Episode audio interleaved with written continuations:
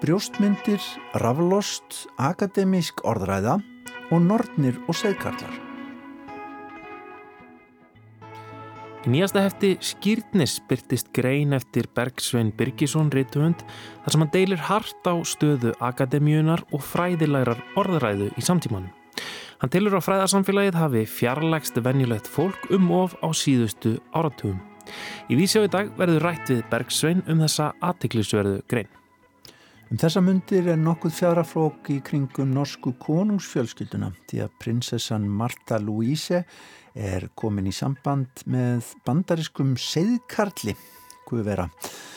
Að þessu tilöfni fjallar Júlia Margret Einarstóttir um seðkarla og nortnir í pisli sínum í dag. Við heimsækjum síðan Helga Gíslason myndhaukvara og ræðum við hann um lífið og listina, skúltúra, portrætt og brjósmyndir. En við byrjum á ráftónlist.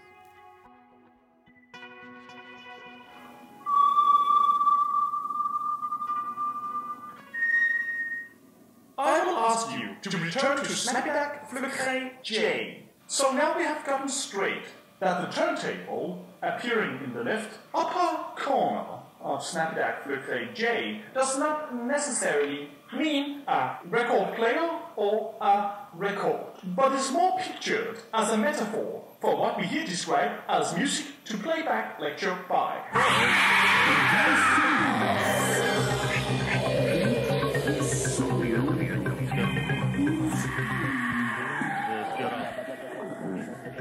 Hinga eru komnir þrýr gestir Ági Áskersson, Jesper Pedersen og Jeffrey Sjötter um, Strákar, hvaða hljóð er þetta sem við heyrum hérna undir?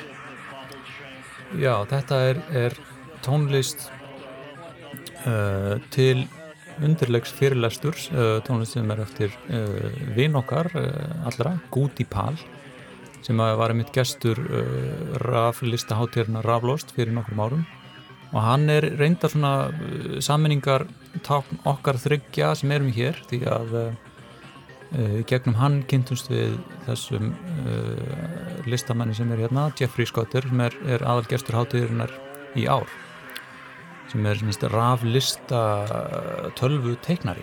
Já, ummitt um, Já, raflost er að byrja núna þessi háttíð bara eftir klukkutíma klukkan, klukkan 5 í mengi. Um, segjum seg okkur aðeins frá þessari háttíð Minna, það eru nokkrar, svona, hafa verið nokkrar ráftónlistar háttíðir inn á Íslandi Sonar, Extreme Chill en þetta er kannski svona aðeins svona tilraunakendari jáðar eða ekki?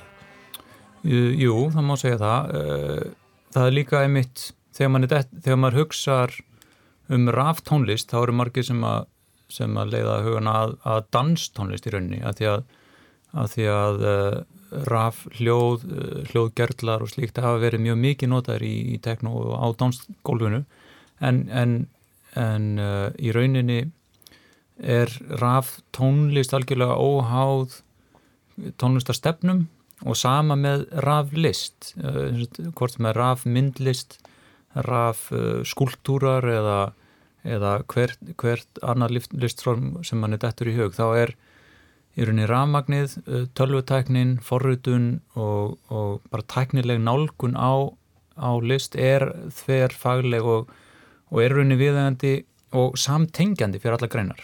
Þannig að einhverju svona hugtúk eins og miðlalist uh, er eða, eða ég er nýmiðlalist sem að stundu kalla er eitthvað sem að, sem að ég myndi segja tengir saman að því að það hefur verið uh, gegnum tíðina, gegnum áratvíðina og jafnvel aldirnar er til eitthvað sem að heitir um, já, hefur, hefur fólk vilja tengja saman listformin frá hvort sem það heitir ópera eða eða hérna eða veður turnar eða, eða töfra lampasýningar mm -hmm. fyrir tíma Einmitt. og það, það er þetta sem þau hafi verið að gera á raflástir rátíð sem eru búin að halda, halda hvað hva lengi, þó nokkur ár Já, það er frá 2007 það hefur verið árleg, árleg viðburður og, hérna, og er, semst, hugmyndin er að saman, eða, semst, leiða saman uh, svona grásrót íslenskra raflistamanna og síðan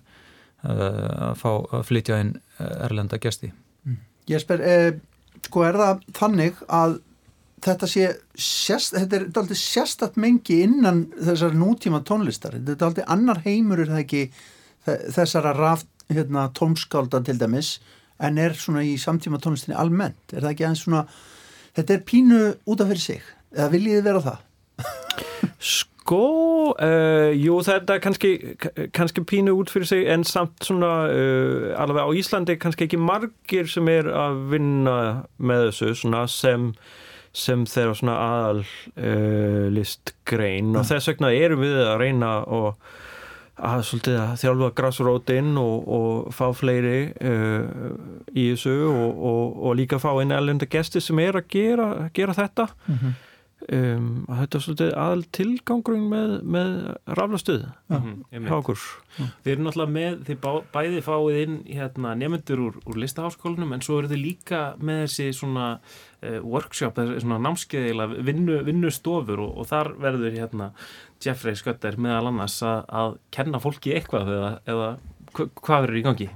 Uh, já, hann, hann mun sagt, sína uh, hugbúnað og, og aðferðir og, og, og raunni sko, uh, já, bara raunni svolítið að spjalla við fólk uh, í sambandi við, við hvaða getur gert í tölvunum að því að, að því að við erum í þannig veruleika allir eru með tölvu í vasanum sem að kallast sími mm -hmm. allir eru með hérna, aðgangað internetinu og, og þannig að þannig að velbúnaður netti staðar það er svona öll já, það, svona, græjurnar eru þarna en, en, en hugmyndafræði hins skapandi listamanns eða, eða, eða notanda frekar neytanda er ekkit endilega hérna endilega í öllum sko. eða, eða hún kemur ekkert sjálfkrafa með græjan og það má segja jafnvel að, að, að framleiðendur uh, vilja ekkert að, að fólk sé að fykta of mikið í, í tækjunum.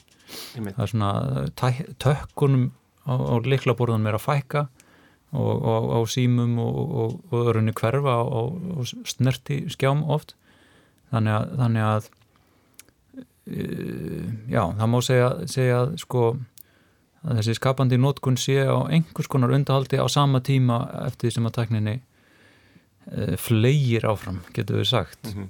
Kanski að þess að helsa okkar erlenda gesti Jeffrey, uh, there are endless possibilities to technology and you know, the, the sky is the limit, isn't it? when it comes to creating uh, with this, all these modern devices that we have Yeah, that's true. Um, the sky is the limit, but uh, often the um, art is best made when there are fixed limits. Yeah. So, you know, often if you have a new technology, there seems that there's unlimited potential, but what you really need to create the best things and actually have the most fun when creating things is lots of limits. um, and so part of what I talk about is the importance of these kinds of limits on technology. Yeah. Um, so a lot of that sometimes means removing technology or taking the ideas that we have um, from new technologies and applying them back to older media. Yeah. Uh, for example, if you could arrange stones on a table while thinking about uh, computer theory, then mm-hmm. that's a, an interesting limit for arranging your stones. Yeah, very interesting.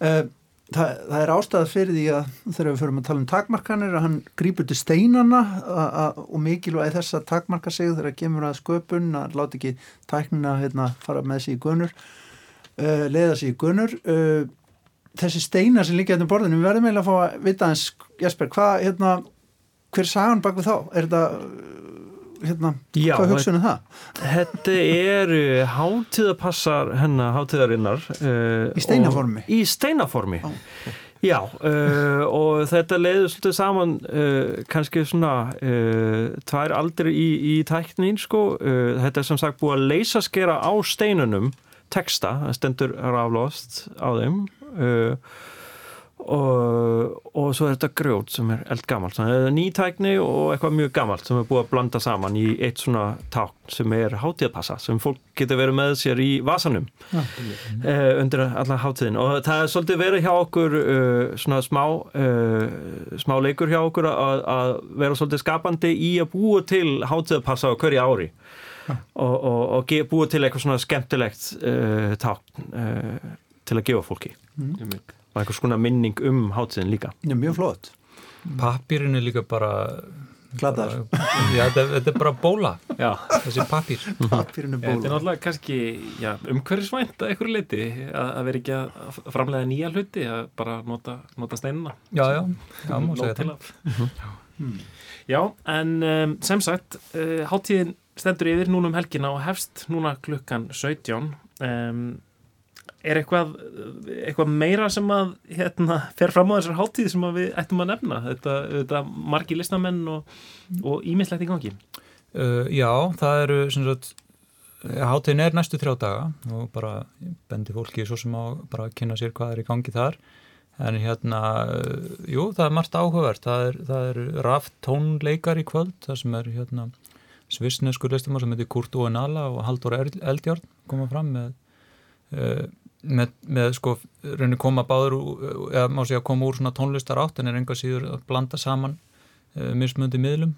Og svo er, svo er, er Jeffrey með, með svona fyrir, fyrir lestur í, í svona performance formi má segja á annarkvöld. Og svo á laugadaginn eru, eru svona ymsir listamenn, það eru Körver, Tóruðsen uh, Hallur Ásgersson og Jóhann Eiríksson sem er með að leika. Kaðlín Sara Ólafsdóttir. uh, sem er, er að læra uh, medjulist í Hollandi og kemur fram með og og Angela, Angela Rawlings. Já, það er svona hinn og þessi, hún er aðalega ljóðskóldreindar og Angela en, en hefur að gera síðan vídeo og má segja sko má segja tón, þögla tónlist. Hún hefur að gera eitthvað sem að, sem að er, má, má skilja sem í rauninni leiðbynningar fyrir tónlist eða eins og, eins og tónverk uh, sem að er samt sem aður um, engin hljóðfæri leika á heldur fólk hérna framkvæmi sjálft Einmitt. En besta leðin er að fá sér stein í vasan og hátíð að passa og fylgjast vel með, Já, ég myndi segja það mæta bara sem mest. Áki Áskersson, Jesper Pedersen og Jeffrey Skötter, takk hérlega fyrir komin að vísjum Takk fyrir Takk. Takk. Og við þetta má bæta að raftónlistarháttíðin Raflost fer fram í mengi við Óðinskötum. En við ætlum hins vegar að huga að listgrein sem að á sér auðvitað aldalanga sögu, það er að segja högmyndalistinni. Helgi Gíslason, hann gerir högmyndir, ímiskonar, meðal annars brjóstmyndir af fólki, bæði fólki sem hann byður um að fá að gera litlar brjóstmyndir af og eins af fyrirmennum ímiskonar, fólki úr eh, stjórnkerfinu, til dæmis hefur hann gert fyrirvenandi borgarstjóranir í ráðhúsi og um daginn var afhjúpuð á bestastöðum ný brjóstmynd af fyrirvenandi fórseta lífveldsins, Ólafi Ragnari Grímsinni. Ég fór í kaffi til Helga fyrir í dag og við rættum meðal annars þessa brjóstmynda gerð hans. Við skulum heyra hvað okkur fór á milli.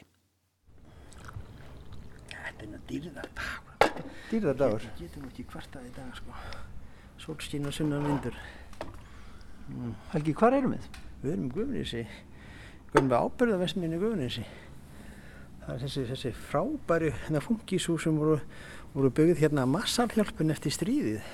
Og mér var sagt að Íslandinga hafi fengið stærsta stjærmið miða við hausatölu. Það, hvað er rétt held ég? Það er rétt, já. Blesaður Amerika. Já, það er svona, það kemur eitthvað gott aðan líka. Já, já, en ég fór hingað inn, kom hingað inn, hvað, ég er búin að vera hér í 15 ár og þetta var bara laust, sko. Ég var eitthvað, eitthvað að leita vinnustofum og þá var mér sagt hjá borginni að þetta var auðvitað, þetta var, ég geti verið hérna þar til húsin er í rifin og, og kannski fylgdi með þetta væri svona ekki mannabústar. Það er sama sem við heyrðum þegar við fórum inn á korpúlstöð í kjallarannu þar, sko. Þá var þetta viðhóru, jú, þið geti fengið að það getur, það, getur engir annað verið að það með listamenn og svo björgum við við húsinu sjálfsögum með því að vera í því. Og nú er þetta, nú geta allir vilja allir vera þeir, þeir njóta ekki eldana sem kveikja þá sko. það er góða máltæki. Og en ég, þetta mikið að breytast hérna. já, ég kom hingað inn og á sínu tíma og, og, og bara fór að taka til og, og, og setti hér inn vatn og ramagn og allt hvað og gerði þetta bara allt á eigin vegu sko, og bara gerði þetta sjálfur.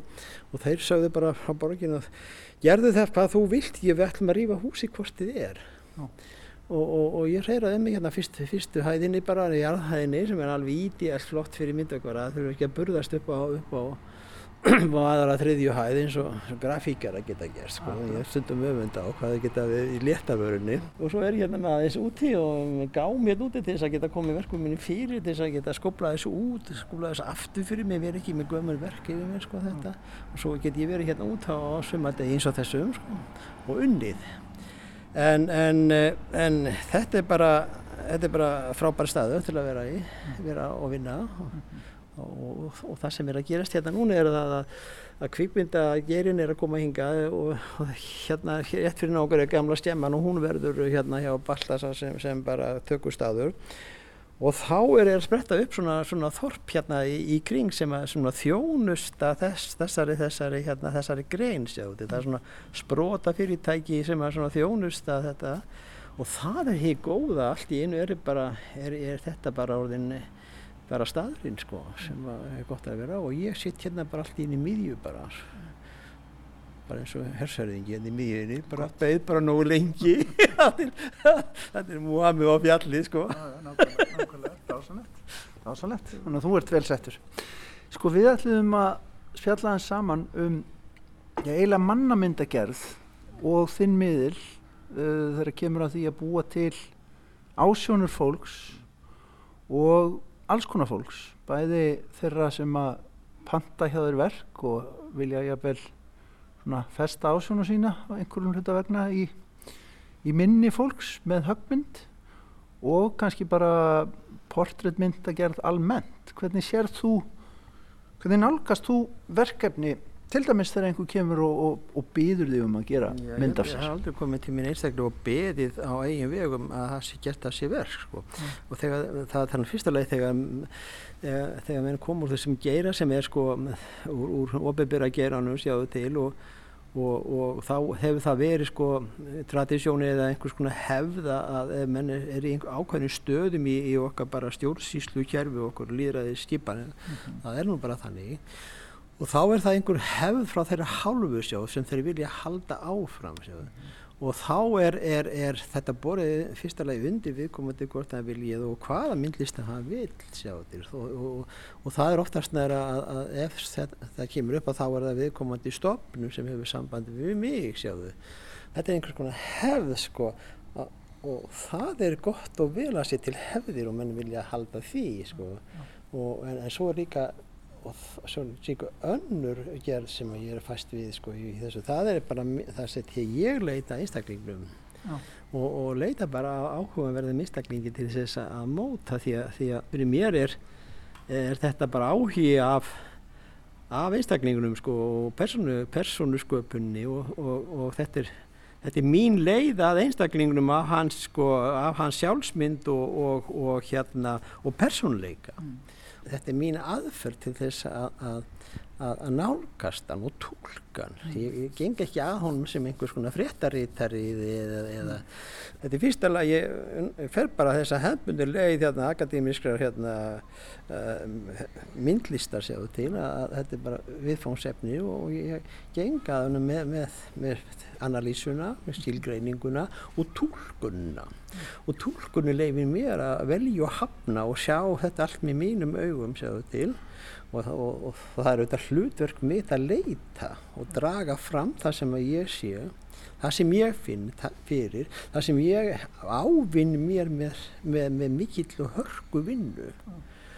Í þessum stóru verku mínum sjáu til þá sem ég sem, eru bara skúldurar í mínum væðurum séð að þá koma einstakningarnir hérna inn og þá kom er aldrei inn sem sem embættismenn, þeir eru bara að skilja embættismenni hérna eftir úti og þá komaði bara hérna inn sem einstaklingar Í þitt ríki vinnustofuna? Já og, og, og, og þá er allir jafnir hér að vissu er ég, ég ræði ég öll. Já, það er farið? Já, og svo bara sitja allir hérna fyrir þá er það sitja ekkert, þeir eru bara vakki í kringum og við ræðum málinn og og maður verður að vera dálítið ítinn og ekki agrísífi bytt en maður verður að vera dálítið svona sko fylginn sér sko að því að maður, maður samt sem maður, það er ekki ókurstis en það, það jæðrar við það sko. Stuða? Já, ég sko ekki, ekki, ég heldur það að, að þetta er svo mikið líkamlegt puð sko og maður verður svona, svona nálagt um sko og, og, og þá kannski detti út í því að segja svona sögur sko og þá er það svona einhverja sögur úr æskunni og, og svona eitthvað sem að kalla nú, nú sveit eða eitthvað þess að það er eða þá að ég fyrir bara beint í listasöguna og, og finn mér hérna samnefnar eða hliðistæðir angút um málverkinu eða einhver staði frá og, og segi bara upp á það sem ég er að hugsa hann gerði þetta, hann leisti þetta með þessum hætti fer bara í gói og hvernig úrsköpnum mála Árskim Jónsson, hvernig hann málaði þetta saman, hvernig Það var fyrirsætunar áhuga á þessum pælingum? Já, já, sko, ég, ég, ég spyr nú bara ekkert af því að, því að þetta er bara aðferðin mín að vinna. Þannig að ég verða að hugsa upp átt. Sko, má ég spyrja þig af því að það var á útmánuðum afhjúpuð mynd hjá fórstæðanbættinu af Ólafi Ragnar Grímsinni og það svona kemur strax upp einhver einkennileg krafa á það að viðkomandi sé ekki nógu líkur sjálfum sér og þar fram til gödunum alls konar pælingar um það hvernig, hérna, hvernig þú einmitt tólkar viðkomandi. Hvað finnst þér um þessa einkennilegu sannleika kröfu sem sumir gera á þetta listform frekar en kannski önnur? Mér finnst bara ekki um hana því hún höfður ekki til mín að því ég get ekki allast til þess að ég sjá það sem að hinn sjá og hinn get ekki sé það sem ég sé mm. og, og menn koma með ímiskona kenningar og um það að ég sé þetta svona þetta er svona svo, svo þetta fer þetta yfir í einhverja fullirðingu sem einhverjum réttrúnar um að mín sín sé réttari heldur þín sín mm. það minn köttur er fallir en þinn köttur ef maður fer út í þetta sko, þá er maður bara komin út í einhverju villu sem maður getur svo sem sagt að minn köttur hefur fjóra fætur þá getur maður svona, svona komist yfir, yfir einhverju rökreina nýðustöðu ah. en þegar maður bara hengi sér og eitthvað hvað mér finnst órökst þá, þá er það ekki til neins þegar menn hafa alltaf myndað sér skoðunum einhvern sem er, hefur verið mikið sínilegur mm -hmm. bara, bara ég, er á ljósaka miðunum einhver starf þarna og þá myndast, þá mynda menn ósjálfur skoðun, þá ríhalda menn í þessa skoðun sína. Mm -hmm. og hún er hvorki rétt nýr raung en hún gagnast bara ekkit mér, hún gagnast ekkit myndin og ekki neitt, svo ég, mér er bara alveg nákvæmlega sama, ég get ekki hlusta á þetta, neina, mér finnst bara skondið sko. En svo er þetta ekki, hafnaði maður ekki þar sem maður ætlaði upp af því, að því að verki tekur yfir og þessi rannsóknarvinna sem ásýrstaði hendur leiðir það í ljós að ég hafna bara hérna. Og, og, og í, í hvað var það hérna, hérna skúldur og þá er þetta ekki sko maðurinn, þetta er ekki hann, þetta er skúldur og, og þá er þetta þessi, þessi þriðja, fyrsta lagi er það einstaklingurinn og ég genga að hverjum einstaklinga bara að mannvirðingu að bara, ó, bara pjúra manni virðingu þetta er bara viðfangsefni og, og ég ber mikla virðingu og mér er alveg saman hvaðan kemur þessi einstaklingur. Og svo er auðvitað ég þessu líka sjá, ég get ekki af hérna, eða afneita sjálfu mér sko, ég er, hef bara mína sko, mín gerð og mín persónleika og hann er, það er höfundar einnkynni mín, þau koma líka í verkið. Svo er auðvitað verkið sjálft. Það er því sínilega, það sem er fast í hendi sem er í þessu bara leir jarðvegur og ég er að móta eitthvað úr jarðvegi og það er þessi þversakna kenda í þessari vinnu að ég er að sækja einhverja tilbýningu, ég er að sækja einhver personleika identitet í þennan einstakling og efnið minn er bara pjúra jarðvegur. Og þessi niðurstaða sko þarf ekki að vera sko er ekkert kórétt sko, sko raun, sko, raunveruleikin annars vegar svo, svo annars vegar sko, sko, listin sjálf sem er ekki og það er ekki að rekna sér fram þess að tveir eru fjó, ekki fjóri í myndlist, er listinni sko. Hún byggir á öðrum fórsendum og fegur að gildið sko, ræðist af því sko hvaða hvað hugmyndir maðurinn gefur sér hverju sinni um, um niðurstöðuna. Og þá er bara niðurstaðan þá er þessi, þessi skúldur eða þessi bara ný niðurstaða mm -hmm. og þá er hún og varir í efninu og þetta finnst þetta heillandi sko mm -hmm.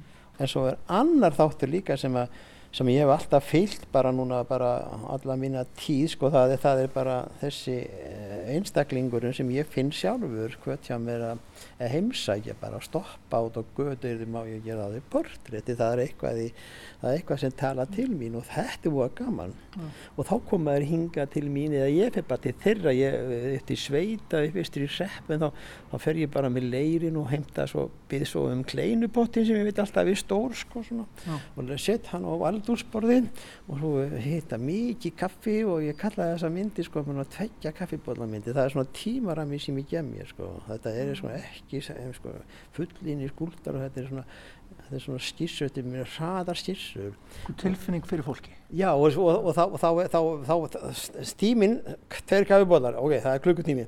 Það, það er svona gem mér og það þýðir ákveðin stærð og það þýðir ákveðin hraði. Og svo hef ég ákveð efni sem ég leir og svo hef ég hef ég fyrirmyndan sem slíka. Þetta þarf alltaf að ganga upp sjáðu til og þá, þá verður hugsun mín og hraðina að, að vera í takt við þetta, þetta, þetta prósett sem ég hef sett upp mm. og þá er ég að, að, að sækja hann, bara sækja það akkurat þetta sem ég, ég finn fyrir í því augnabriki á stað og stund í eldús einhver staðar austur í sveitum eða, eða norður í þingaðsíslu og, og, og, og þá finnst mér þetta svo áhugavert að ég get stoppað tíman eitt augnabriki, tek þannig hennar einstakling eins og ég sá hann á þessum stað og stundu og setja hann í fast form í, í sko, hann er fastur í hendi og það er, það er eðli skuldur sem er fastur í hendi mm. hann er ekki ljóð sem að skrifa í sandin sko. mm -hmm. hann er og þetta er eitthvað í náttúrunni minni að vinna með þetta efni Stoppa tíman Já, þá stoppa ég tíman smá stund og segi, hey, ég, ég, ég stoppaði tíman eitt augnablík og þessi einstaklingur er til, svo bara hverfur hann og tímin heldur áfram en ég Ha, ég gati á einhverjum hætti sko dokumentir að hann er hér. Þá er ég búin að taka tíman inn í myndin og ég, ég, ég festið inn í myndina. Ég, það er hluti af verkin að tímin hefur haft áhrif á þig og mótað þig. Mm -hmm. Og, og þegar maður kemur og sé bara ungd barn og, og, og ég verði að gera myndir af börnunum mínu svona, það er bara þetta, and, þetta, bara þetta andlið sem er gjörsamlega nýtt sjá þetta á alla söguna sína óskrifaða, það er ekkert sem hefur haft áhrif á og það er heillandi, svo kemur maður aftur í 90, 100 einhver einstakling sem er búin að lifa sitt líf í nýt einhver starf á tíu, tíu ræðu sko. Mm og vá, þá getur maður lesið það bara, maður finnst ekki að lesið það bara eins og einhvern pergament mm. einhver jarðurlög bara sér, og maður sækist eftir þessi, að ég er að sækja þetta með hvaða hætti ég geti fengið þetta til þess að, að, að dokumentera þetta og setja þetta inn í verkið. Og þá er, þetta, það, þá er þessi hraðu, þessi gróleiki og þetta heillar mig Takk fyrir að sitja með mér henni hérna í sólni. Í sólni, já. Mm. Þetta er alveg dýrðardag og svona eiga dagarnir að vera. Þó að komi ekki inn um einn og einn og þá er maður svo, þá samþykjum maður alla hinn að dagana. Og svo gladur. Og svo gladur. Gladur í rykninguna því, já við setjum í. Svona er nú lífið. Helgi Gíslason myndtökvari fyrir dag í sólni upp í Guðunessi, auðvitað í góðu skapi út af sólni eins og fleiri skiljanlegt þegar maður fæði smá sól þá resist maður allur. Ekki annað hægt. Nei. En við ætlum að snú okkur í allt aðra átt. Júlia Margret Einarsdóttir flytur okkur nú pistil sem er innblásinn af uh, vandraðum í norsku konungsfjölskyldinni. Snákar í draumi tákna oftast kaldlinda og ómerkilega kunningja. Sérstaklega séu snákarnir eitraðir. Drepir þú snák myndu yfirstíga miklar hindranir. Að verða bitina snák er merki um áhyggjur sem kvíla þungt á þér. Vefi í slangan sig utanum þig er það aðverun um að einhver í kringum þig er ekki allir þar sem hann er séður.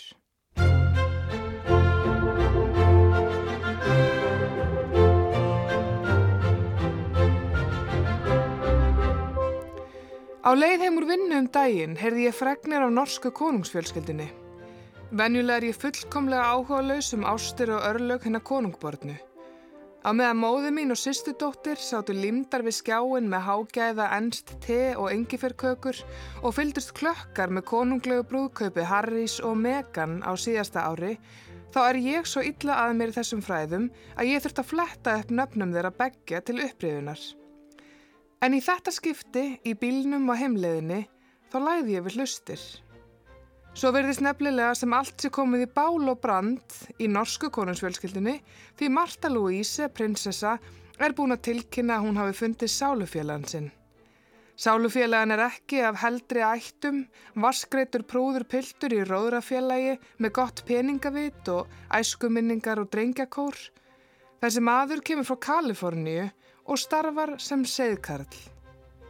Prinsessan og seðkarlinn náðu saman. Þetta er ekki liðarsaga ár Harry Potter eða vampýrubókinni Ljósaskipti. Þetta er fregn sem er barst til eirna á leiðin í apotek með rúðuþurkurnar á fullu á vætusöfum degi að rúnda um skeifuna. Engir segðkarlar sjáanleir aðeins veðurbarið fólk með belgtróðna hagköpspoka og uppgjafarsveip.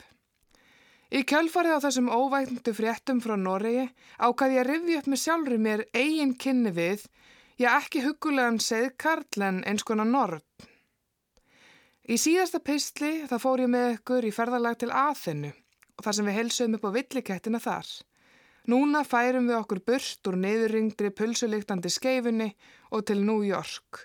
Nánar tiltekið East Village í New York. Við erum í einni af hlýðargötunum. Það er kvöldsól að hausti og íkornar í trjánum. Við erum nýkomin út af koktelabarnum Dorian Gray. Á árum áður var þetta hverfi krökt að fátaku listafólki. Þetta er sama hverfi og söngleikunum Rent var skrifaður um, um fólk með stóra drauma sem lifði fyrir nóttina. Þau sköpuðu myndlist, tónlist og ljóðlist en gáttu ekki borga leiguna í húsum sínum sem voru hruni komin. Þarna voru kallarabarir, hóruhús, draumar, end og sjúkdómar. Núna er þetta eitt af fítni hverfum borgarinnar. Dölúðin sem fylgir minningum liðina tíma svífur samt enn yfir sindrandi húsþökum því á milli leikúsa og koktelabara, merkeveruverslana og rándýra fastegna má víða finna á þessum slóðum svo litið sem verist enn í takt við liðina í hverfinu.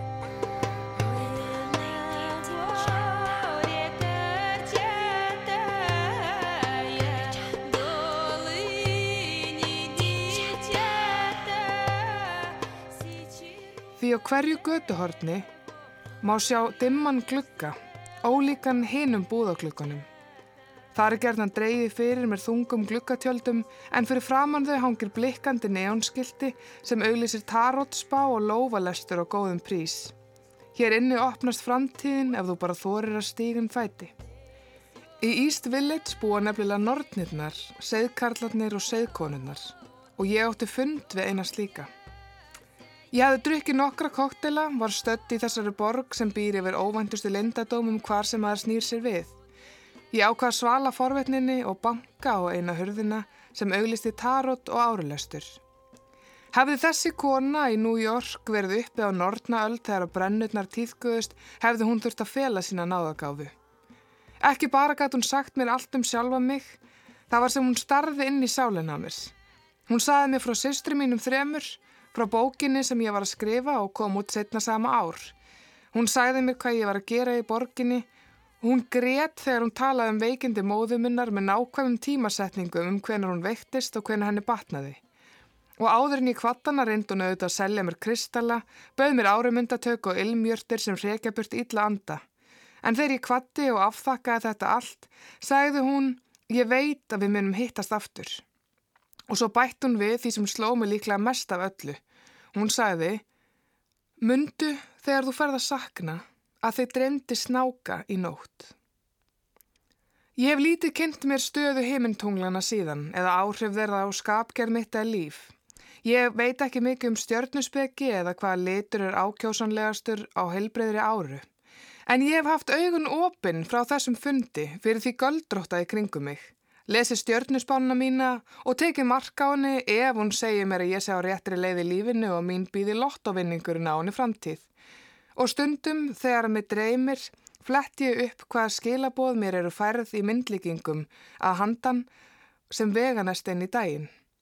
Kanski þetta bara viðleitni til að geta talið sjálfur mér trúum að það sé raun eitthvað í þessum heimi meira og starra en rigning í skeifinni. Ímynd hinnar fullkomnu tómhyggju. En eftir að hafa frétt af segðkarli norsku prinsessunar fór ég að hugsa um segðkonur og segðkarla sem sögur hafa farið af á Íslandi. Taki til dæmis eftir að þó húsnaðis og atvinnauðlýsingar hafa mestu horfið á síðum smáauðlýsinga í fréttablaðinu má enn finna þar síma hjá hennum ymsu þjónustu aðilum sem geta fært ykkur svör úr botni kaffibotla, lesi úr lofoekkar, fært ykkur tarótspanna, bara gegnum síman. Ég man eftir sögum að láru miðli sem var þó uppvísa sveikum og dæmdi fangelsi fyrir en átti sér þó enn fylgjendur sem fullirti að hún hefði verið í beinu sambandi við framleina. Jósefina Eyjólfsdóttir frá Nautól sem var fyrirmynd Karolínu Gömlu í Túlekampinum var ramgöldrótt. Sigga Klingenberg sefar reglulega stressaða viðskiptavinni í kauplaupi í Smáralind með lovorðum um sjóðheit stefnumót og óvænta velgengni í vinnunni. Og ég myndi í upprifin minni að einni konu sem ég hef sjálf kynst hefur einhvern veginn alltaf tekist að lesa mig á sama hátt og spákonan í New York gerði. Það er reythöfundurinn Vigdís Grímsdóttir. Ég ákvað því, þar sem ég var að skrifa þennan pistil, að senda henni línu. Ég spurði Vigdísi um reynslu hennar af hennu yfirnáttúrulega og hún sagði mér sögu af annari næmri konu, henni Bíbi Ólafsdóttur, vinkonu sinni á miðli, sem Vigdís skrifaði með æfisöguna um.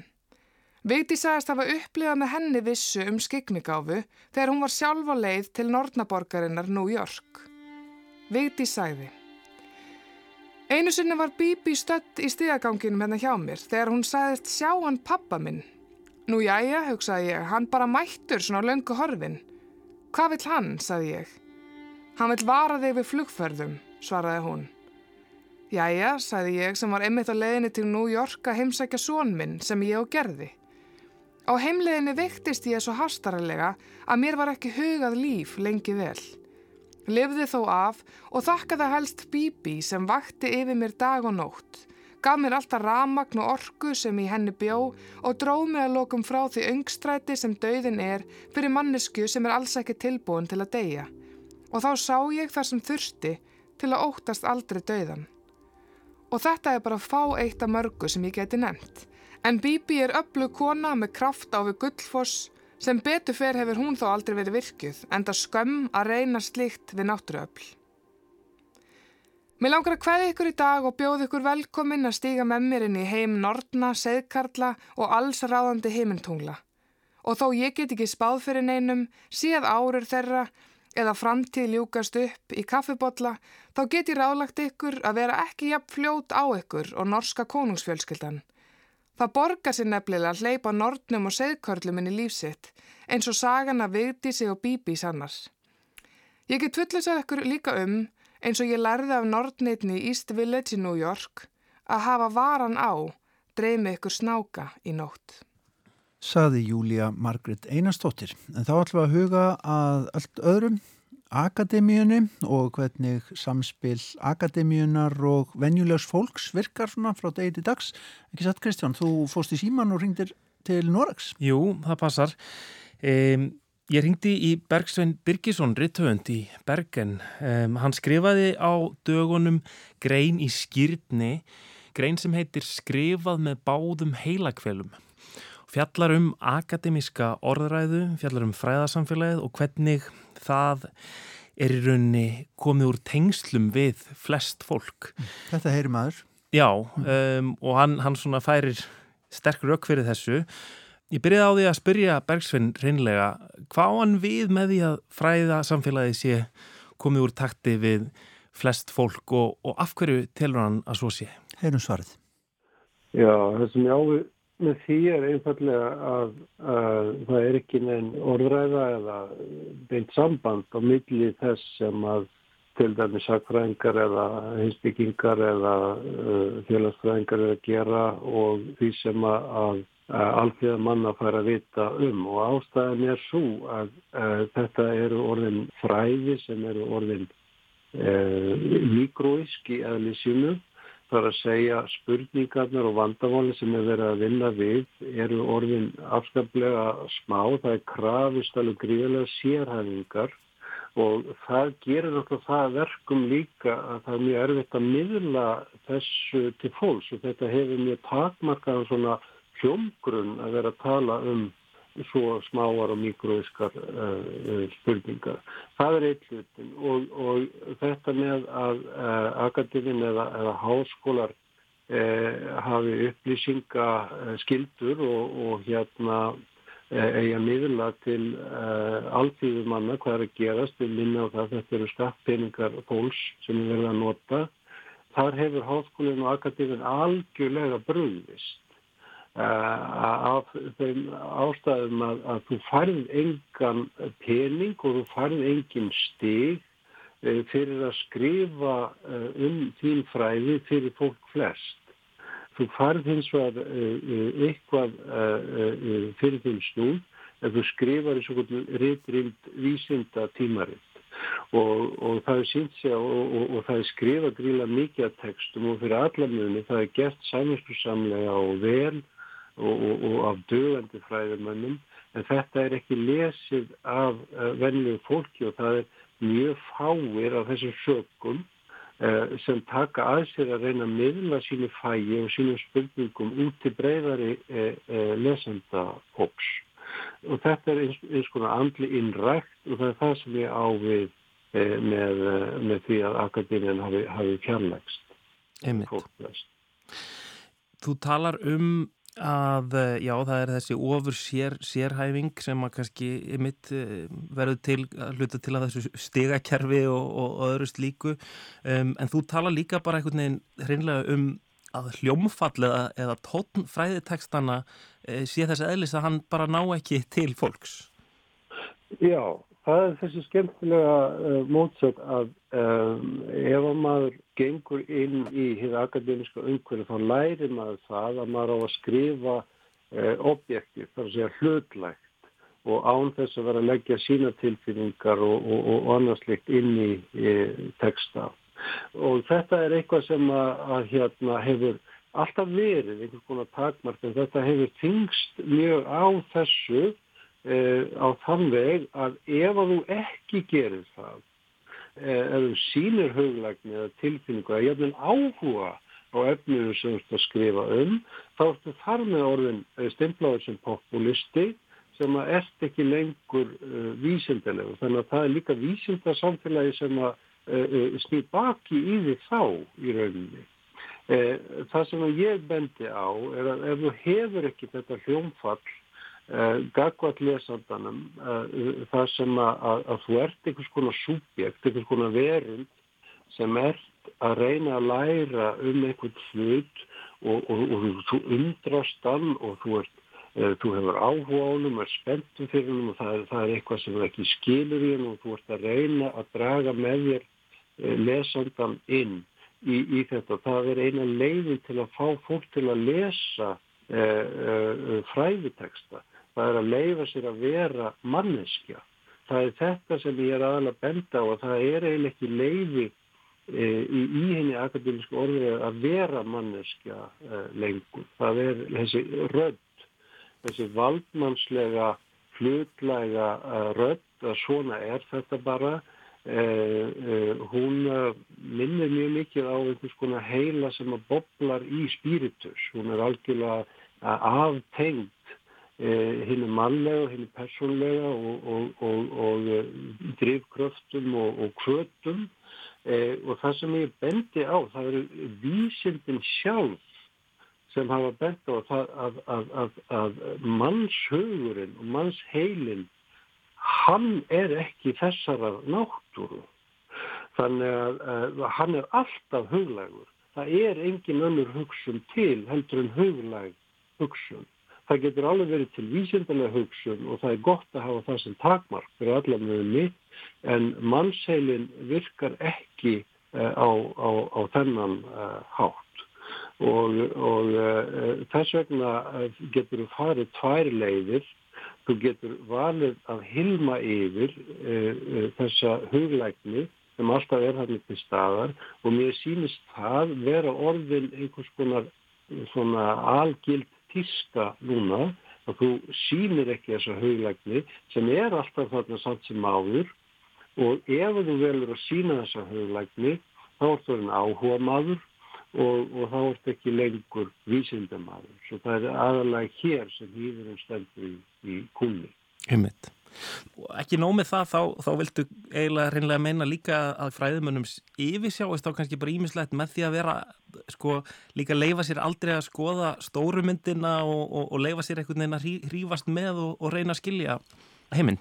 Já, ég vil meina uh, í sumum tilvíkum, ég er vitanlega að þess að ræða þetta út frá norrannumfræðum, út frá sagfræði, út frá þessu uh, dæmi sem að ég skrifaði um þarna í, í, í bókinni uh, sem heiti umræðu hér, leitina svarta vikingum. Ég vil meina það að hér breyða sjónarhótt og það að fá að varðveita undun og það að geta til dæmis breytt um spurningar eftir því sem að, að, að maður fyrir að rannsaka meira, það er fyrir mér meira vísindalegt en að ákveða fyrirfram nokkur meginn hver liðurstaðan á uh, að vera. Og uh, þessi sérhæfing hún eh, getur líka orðið til þess að mann sjá ekki hérna breyðu mynd og uh, þar af leiðandi eins og, eins og mér finnst það er alltaf verið að tala um þetta þverfaglega og, og, og svo framvegis En uh, svona í praxis þá sýnist mér að hérna ólíku fræðigreinu þar eru mikið til hættar að tala saman vegna þess að hver fræðigreinu komið með svo langa og, og þunga rannsóknar hefð að fræðimæður í dag hann hefur tökka að gera meir en að, sinna sinni eigin hefð. Þetta auðvitað uh, mingar sjónarhóllnið og gera það verkum að það er voðalega lítið nýtt sem gerist í, í fræðunum því að það, það er líka það sem er staðrind oft í, í, í akademísku starfum að lítið tilbaka þá eru oftast þeir sem koma utanfrá með einhvern annan bakgrunn koma inn í einhverja uh, fræðigrein sem að afhjúpa og, og benda á að það þarf ekki endilega að vera uh, svona.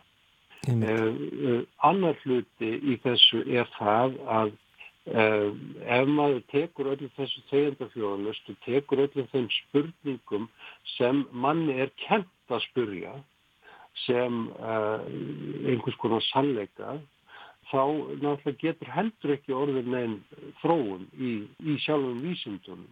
Og því miður þá sínist mér að ganga svolítið út af það að maður er eh, bundin því að vera í orðræði við sína forvera í fæinu því að annars myndu heldur ekki fá neitt styrk til að sinna þínu rannsókn. Já, það, það er augljóst að þetta eru einhvers konar kerfislegar aðstæður sem að, sem að í rauninni kalla á að, að textar séu skrifaðir á, þennan hátt. E, þú hefur grifið til þess að hérna, skrifa það sem hún kallar blendingsteksta í, í leitinni svarta vikingnum. Er það lausnin eða, eða hvernig getum við komist út úr þessari klemmu sem við erum komin í með fræðin?